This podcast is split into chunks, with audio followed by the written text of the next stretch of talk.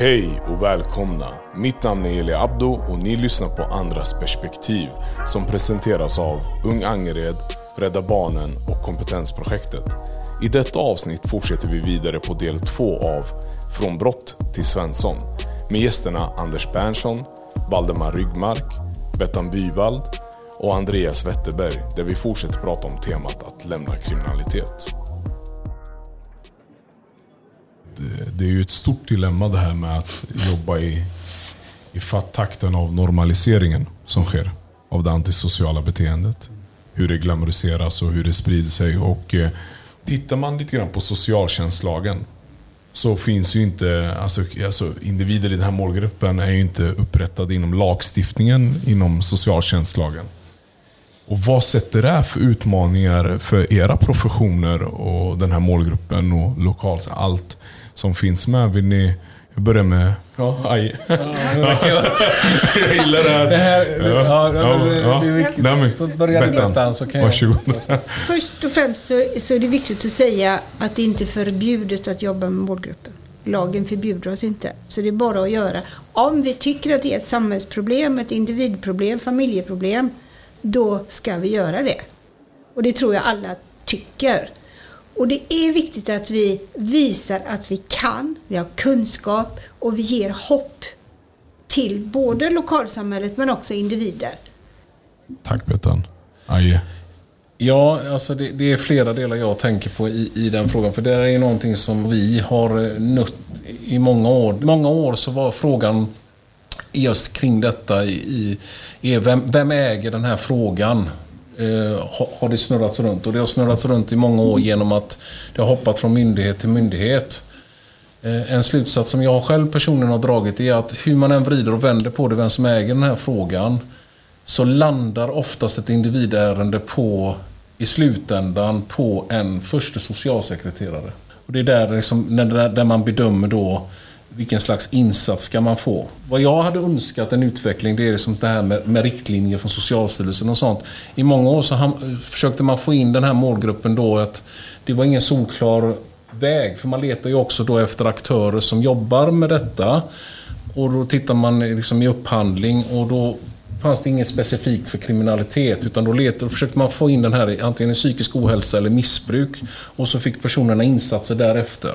Och så fungerar inte det och så håller man på runt och runt. Och jag märker till exempel idag i mitt arbete där många som jag kan beteckna då att vara en person som har, skulle behöva lämna en kriminell livsstil placeras in då utifrån andra kriterier. Ah, han är hemlös, han ska ha kortsiktigt kollektivt boende, han eh, kan ha eventuellt en hotbild men det, han har bott på ett sånt här boende och det har fungerat bra där och då kan det nog, alltså det är väldigt vagt hela tiden så att insatser får personer men de kanske inte får den här helheten om man säger i det hela utan man får en delvis insats. Eh, och jag tror att ska man komma åt detta så, så tror jag att det behöver finnas ett, ett gemensamt arbetssätt bland social, om det är nu socialtjänsten och det hamnar då hos en, en, en första socialsekreterare så behöver, kan det inte vara som ett lotteri att beroende på vilken första socialsekreterare och hur mycket erfarenhet den har att den vågar ta beslut och att det behöver vara ett gemensamt arbetssätt därefter. Är man enad där inom socialtjänsten så, och sen kan koppla på olika, om det som du pratar med kyrkan, med med privata aktörer, ideella samhället, eh, moskén. Alltså, då kan man välja. Det finns ett helt batteri av saker och ting som kan ta emot detta. För det, inte, det kan inte bara ligga liksom på en aktör. Så frågan är alldeles för stor för det.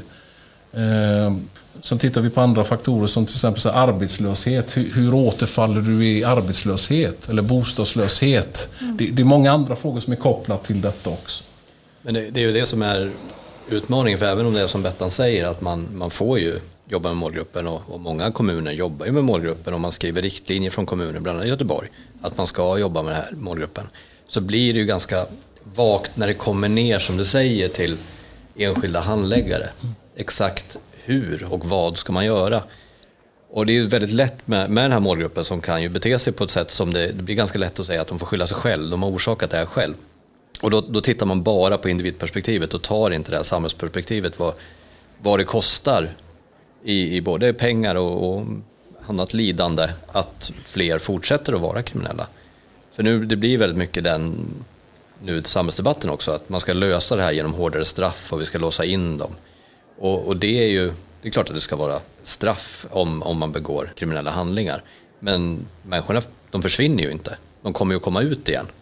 Eh, och därför, och då apropå det här med att besöka fängelser, är ju superviktigt. Alltså jag, vi såg det ju som att arbetet började där. Ja, det var ju tråkigt att vi inte lyckades förebygga eh, att man hamnade i fängelse.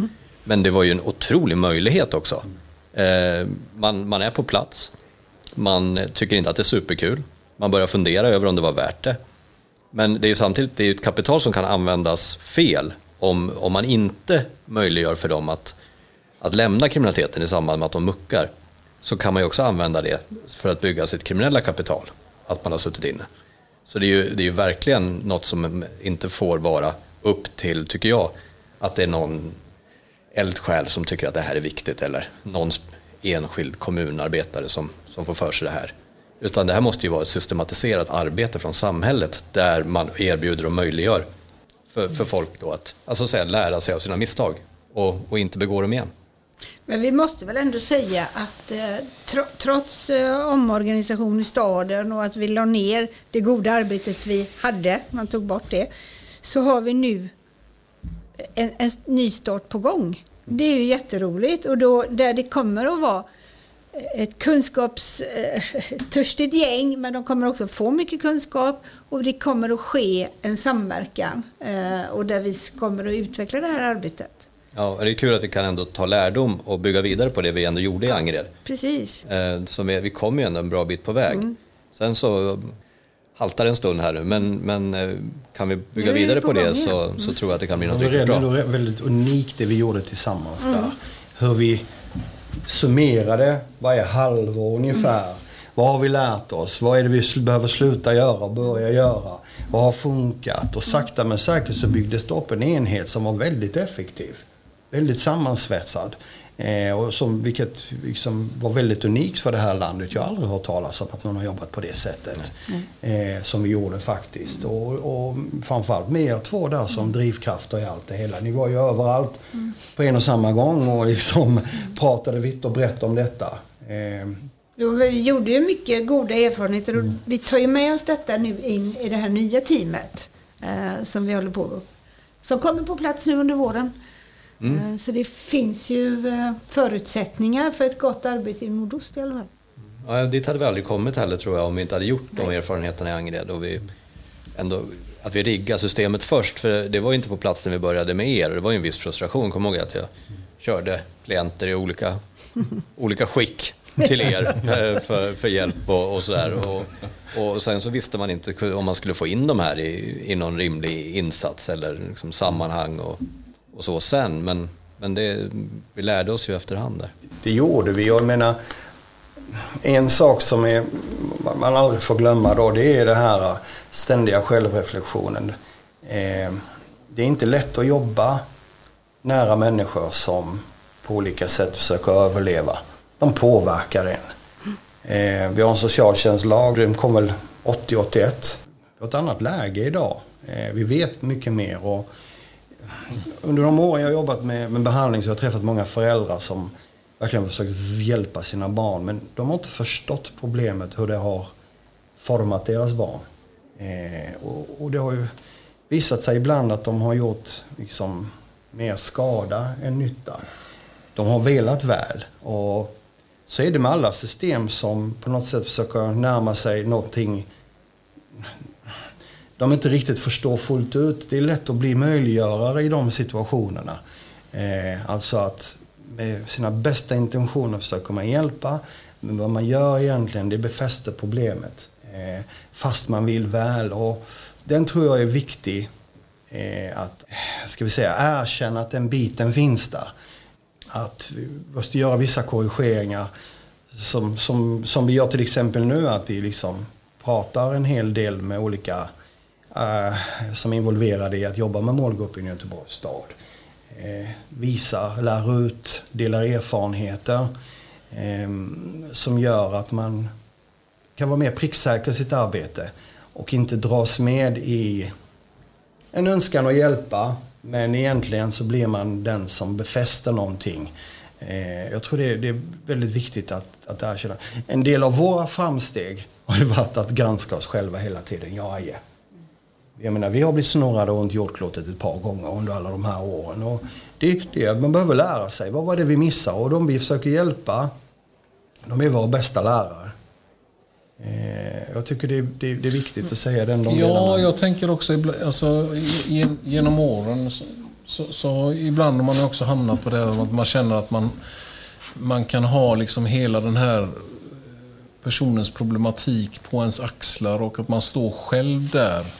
Ehm, alltså stundvis kan man, man har önskat att det finns liksom mer av, alltså, alltså man kan, vi kan ju inte vara de enda som står kvar hela tiden med personen utan det behöver ju komma in andra aktörer. Vi tar till exempel som man får vara vanlig enkel med liksom psykologhjälp eller inte. Hur söker en person psykologhjälp? Och vad, det, det är inte så enkelt. att Boka tid utan eh, bank-id eller någonting. Alltså bara den vägen att skriva in sig och få en legitimation. Man orkar ju inte det om man är totalt utanför. Då blir det, också, alltså, det finns men det behövs liksom organiseras bättre. Ehm, så det är tur att det finns mycket ideella krafter, absolut. Mm. Men tanken är väl lite att det ska väl också finnas lite mer att gå åt ett system. Men det får inte vara för systematiserat heller, utan det behöver vara individanpassat. Det är ganska intressant just det här att det behöver vara individanpassat. För nu har man ju berört många av de här grejerna. Och jag skulle ändå vilja ställa tre frågor som jag vill att ni tar er tid att tänka på. Och Det här är som tre avslutande frågor. Men jag tror också många lyssnare skulle ändå vilja höra. För när man lämnar kriminalitet, vad är det man lämnar till? Okej, okay? det är första frågan. Arbetet med anhöriga. Där berörde Bettan lite grann det här med vikten av det. Och vilka erfarenheter och tankar man har kring det. Och vad är det viktigaste framöver med detta arbete? Vi, vi börjar med den första. Aje, vi börjar med dig, mm. så går vi vidare till Valle. Säg första frågan igen då. Tänker jag för mycket. vad, vad lämnar man och till vad? Ja, alltså det, det, det, det man lämnar är alltid personligt. Har man kommit till den punkten att man lämnar så är det alltid en personlig anledning till varför, vad det är man lämnar. Eh, så den är inte så enkel som att man bara hoppar av någonting. Utan det finns alltid ett, eh, ett långt, en lång tid av kanske där man har en spricka i den här fasaden. man börjar tvivla på den livsstilen man har levt länge. Och, och anledningarna är oftast väldigt personliga och in, de, de håller man oftast för sig själv. Eh, det man eh, lämnar till då så att säga, den bilden är inte klar i det läget. Det är det man inte får ihop riktigt. Man, man kan inte se den här tavlan framför sig.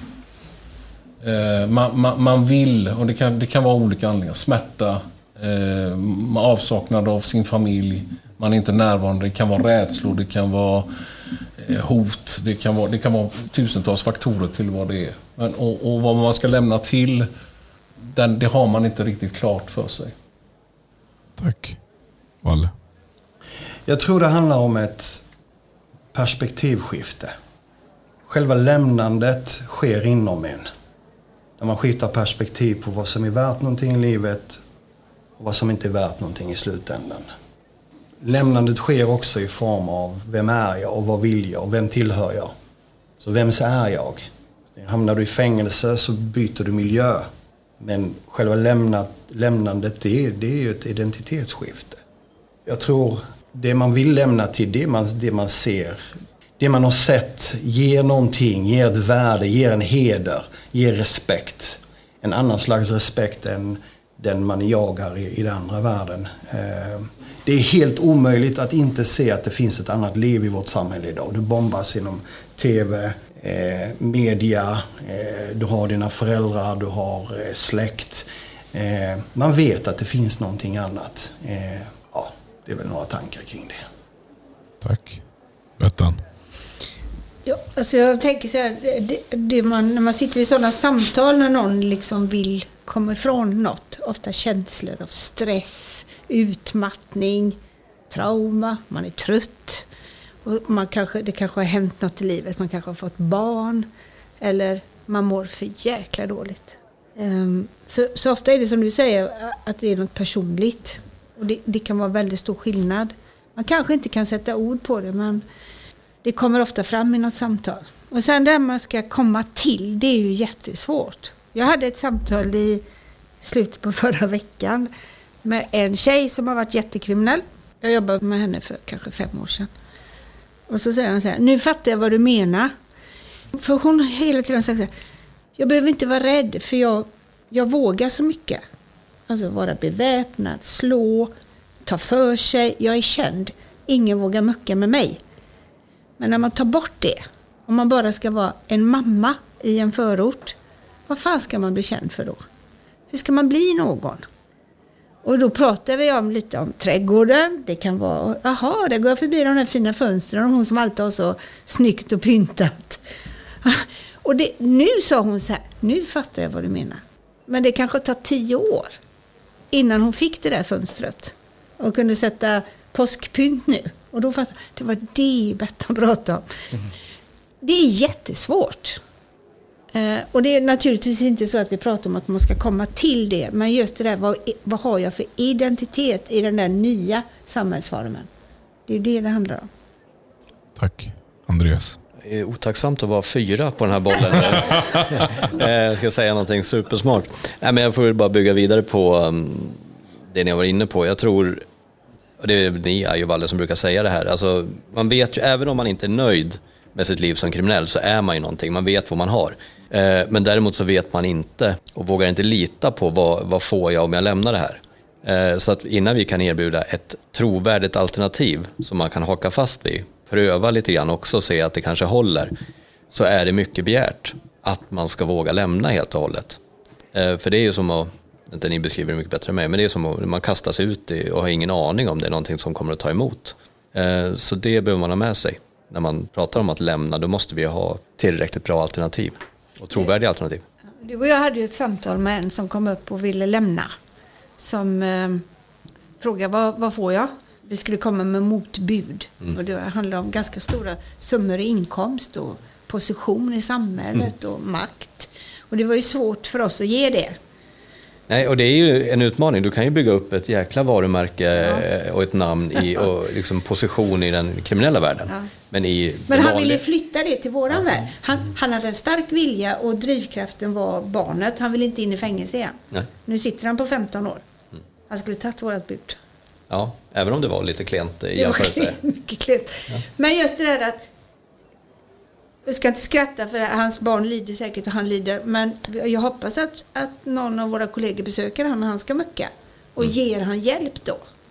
Uh, även om det tar lång tid. För man kan, det är ju svårt. Vad, vad ska jag till? Mm. Ja, man måste ju då ta bort allt det här man har byggt upp. Uh, det namnet man har skapat sig där. För det betyder ingenting i den, i den vanliga världen. Då måste man bygga, bygga från grunden igen och det är klart att det, det är jobbigt om man har... Tomt, fattigt. Ja. Det, det måste vara skrämmande att bara känna känslan. Ja, ja, visst. Om man bortser vad som är rätt och fel.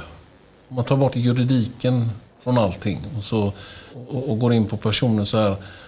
När, när man socialiseras in i detta så, så det är som man, man utvecklas in i, i, kriminaliteten. Så är det, så det är liksom inget val du gör från en dag till en annan. Så nu ska jag bli detta. Utan då gör man det oftast för att man, man i tron att det ska bli bättre.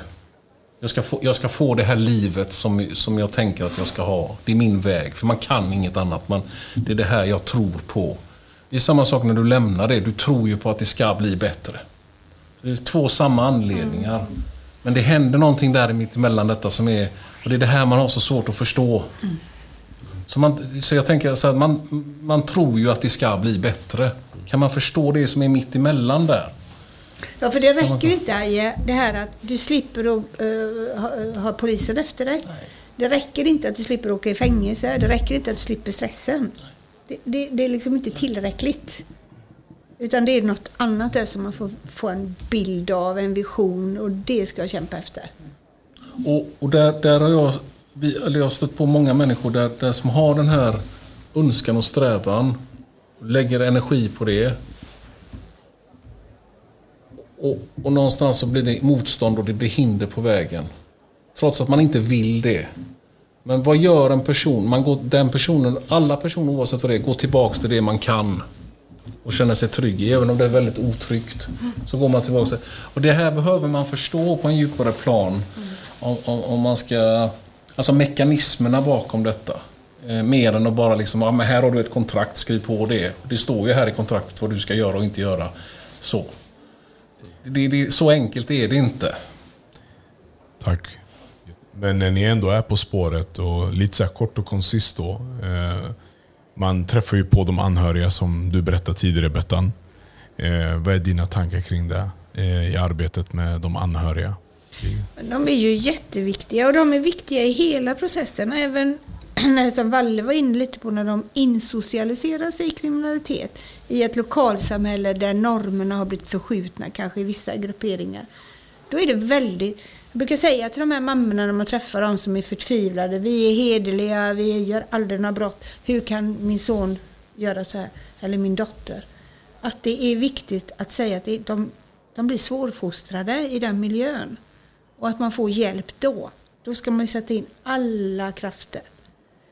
Sen det här som du tog upp förut också om den här med romantisering ja. av det kriminella.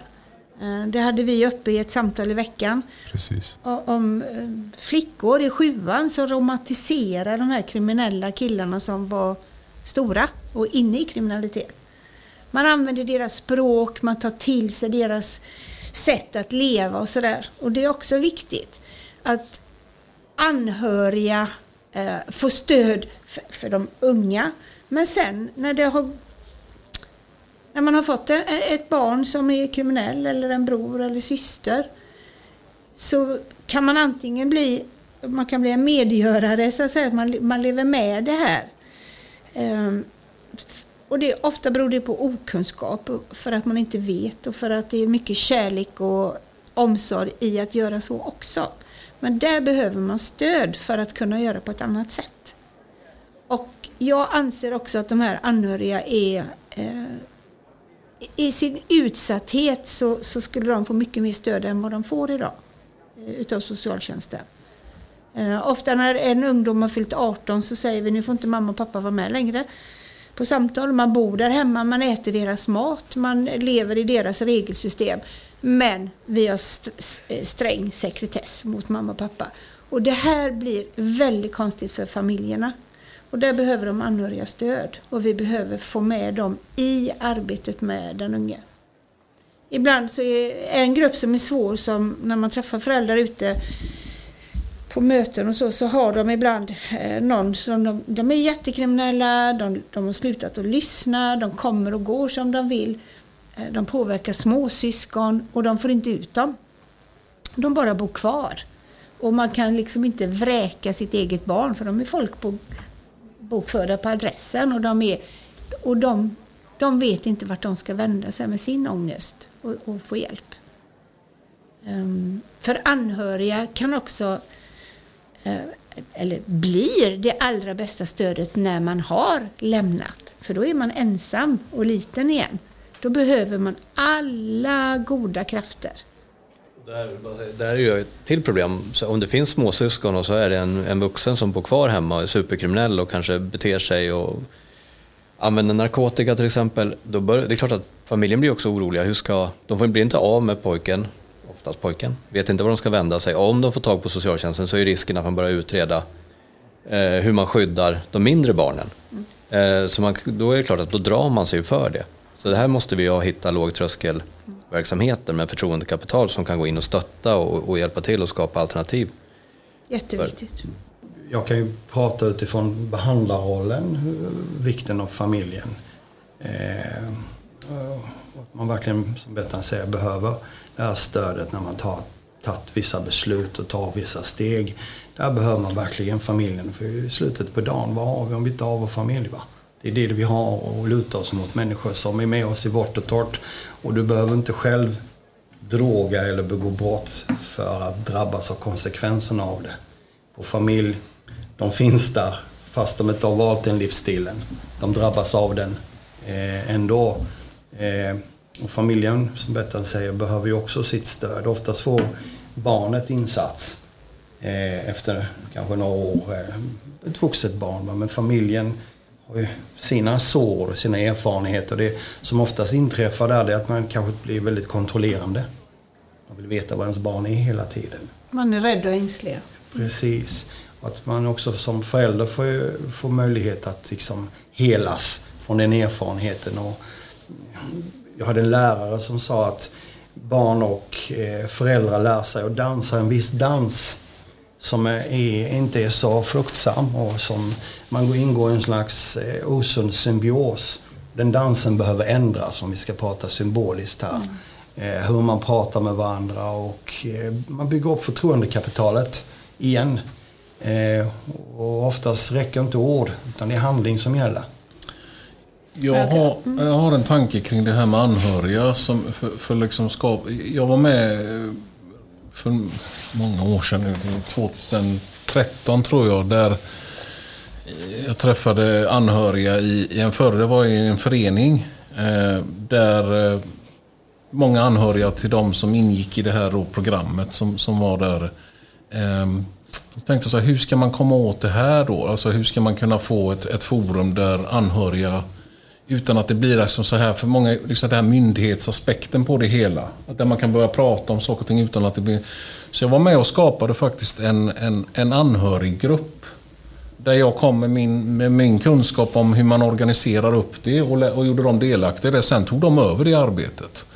Och då hade de det är ett levande arbete med föräldrar sinsemellan. De bara pratade med varandra och problemlösning utan att någon utifrån då inom situationstecken var involverad och det blev en självhjälpsgrupp. Det blev lite som en självhjälpsgrupp, mm. ja, för anhöriga. Och det, är kanske det, så det, det, går ju att få till där folk börjar kommunicera med varandra och de börjar prata. De går inte med, för det är mycket skam och skuld också bland föräldrar. De går i området och min son, fast man pratar inte om det. Och där börjar mammorna då framförallt, som är väldigt starka, mm. bli väldigt starka. så att... Eh, så, så tänker jag kring det här med anhöriga. Ja, det låter ju jättespännande mm. med en självhjälpsgrupp. Men jag tänker också på, jag glömde säga en grej, att kriminaliteten tar sig också uttryck som vi hör kanske dagligdags nu, att man pressar också anhöriga. Om, om den unge blir skyldig pengar eller så, så råkar de anhöriga ut. Och det här är också väldigt skamfyllt. Det finns mammor och pappor som betalar och betalar och betalar. Eh, de tar alla familjens besparingar och sen hjälper det inte ändå. För då höjer de bara budet. Det, är ju, det är ju, går att pressa dem. Och det har vi inte riktigt tagit till oss tycker jag. Uh, vi hör om det. Men vi, vi, vi, erbjuder inget för de här familjerna för, för, i den utsattheten. Nej, de bor ju kvar. Ja. Vi har ingen trovärdig lösning där. Tyvärr ingen, ingen rimlig. Jag förstår att man inte riktigt vågar ta samhällets hjälp i det här. Därför att jag är faktiskt inte längre, det var jag för 5-10 år sedan var jag säker på att man kunde lösa det här från samhällets sida. Men nu ja, jag, mm. får man nog problematisera lite grann. Mm. Det är en utmaning att, mm. att lösa det och bo kvar i samma miljö. Um, att vi från samhället med nuvarande sätt att jobba kan komma åt den problematiken. Jag tycker ju att någonstans i allt detta så hör man ju också hur det påverkar de anhöriga jättemycket och att det, det krävs fortfarande mycket utveckling i arbetet för att kunna stötta upp och finnas där också för de anhöriga. Eh, och jag tycker de här svaren som ni har gett idag kommer ändå förhoppningsvis berika lyssnarna och få dem att reflektera lite själva. Eh, och jag skickar med den sista frågan nu. Och det är, vad är det viktigaste framöver med detta arbete? Om ni fick skicka med en grej. Och jag börjar den här gången från Andreas håll här, oh. till höger om mig. Får jag å andra sidan ingen hjälp av andra heller. Ja. det är fel hur man gör det. Eh, viktigaste framöver. Eh, det är hur samhället organiserar sig eh, kring den här frågan helt enkelt. Där allting måste sitta ihop. Vi kan inte lösa det genom antingen hårdare tag eller bara förebyggande arbete. Utan vi måste, det måste vara ett, ett arbete som håller ihop eh, med alla delar. Även om någon åker fast, blir inlåst, så måste arbetet fortsätta med, med att det ska... Och det räcker inte med bara insidan av fängelset, man måste erbjuda ett alternativ även på utsidan.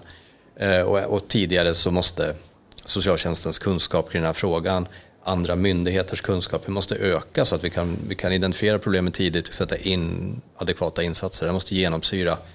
Det har blivit så, så pass stort samhällsproblem så det här måste genomsyra arbetet från tidig ålder. Alltså att tänka hur, hur undviker vi att de här barnen ska socialiseras in i den här miljön. Ja. Tack.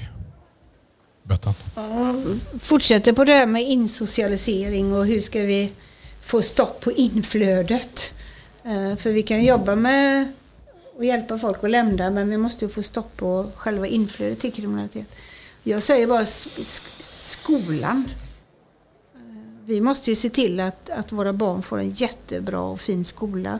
Framförallt i de här utsatta områdena där det är en sån miljö som det gör att det är lättare att bli insocialiserad i, i de här miljöerna. Tack Bettan. Valle? Eh, jag bygger vidare på det som Andreas säger där. Eh, fortsätta ta de goda exemplen som har haft effekt. En realistisk effekt.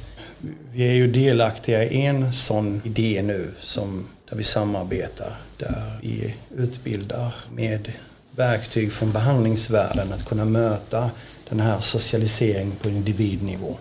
Det, det, tror jag väldigt mycket. För den, den har tyvärr fått utveckla sig av olika anledningar. Jag har eh, hoppats på det bästa, inte insett lockelsen och styrkan i den och den har fått utveckla sig. Och, eh, inte bara i storstäderna utan även i små kommuner ute i landet. Det kommer dagliga rapporter i media hur den visar sig på olika sätt. Och eh, det, det måste finnas en motkraft till detta.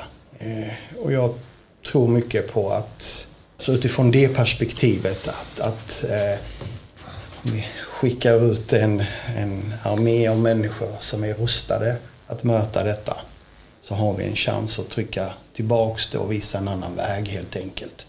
Eh, och med tanke på att jag jobbat med detta i 20 år så har jag träffat många, många före detta kriminella som säger alla samma sak. Tänk om någon tog mig i örat vid ett visst tillfälle och sa du kompis, spelar ingen roll vad du gör, jag kommer alltid finnas vid din sida. Jag kommer aldrig vara en del av ditt problem, en del av din lösning.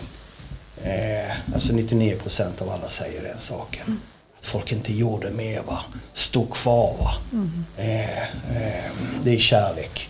Det är kärlek för mig och den kärleken behöver vi där ute. Tack.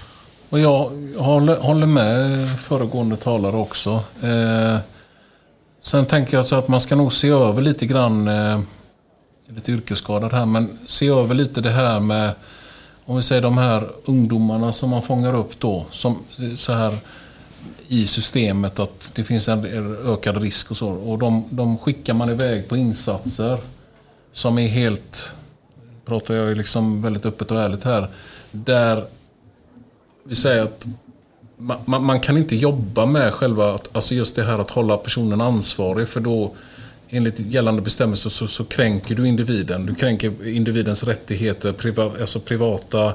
Du, du, kan inte gå igenom och titta liksom om det är någonting i rummet. Eller du får inte ta mobiltelefonen ifrån för att eh, det är integritet och allting sånt där. Du, det, det, är väldigt svårt. Alltså det, man behöver ju ha ett sätt där man hjälper människan att se sin egen del i saker och ting. Är det ett möjliggörande system? Ja, jag tror att det, alltså systemet hänger inte med och, det, och, vi ska inte vara inne i ett krig utan vi ska vara inne i, ett, i en utveckling och i en utveckling så måste personen som man har framför sig vara delaktig i sin utveckling. Systemet i sig kan inte vara utvecklande bara. Tack snälla för att ni tog er tiden att vara med i andras perspektiv. Jag tar med mig, jag lärde mig jättemycket i, i det här samtalet med er. Eh, ni har ju många, många fler års erfarenhet än vad jag har. Eh, och eh, jag hoppas också att ni lyssnare där ute har eh, fått er en tankeställare. Och för er som har syskon eller anhöriga eller någon ni är oroliga för eller någon ni funderat på ganska länge som ni har velat hjälpa. Tänk så här, det är aldrig för sent. Ni kan vända er till era fritidsledare, till era lärare, till socialtjänsten, till någon som ni anser är en vuxen trygg person där ute, fältare eller vad som helst. Be om hjälp och så kommer de vägleda er rätt. Eh, ta hand om varandra. Återigen, mitt namn är Eli Abdo. Tack för att ni har lyssnat. Hej!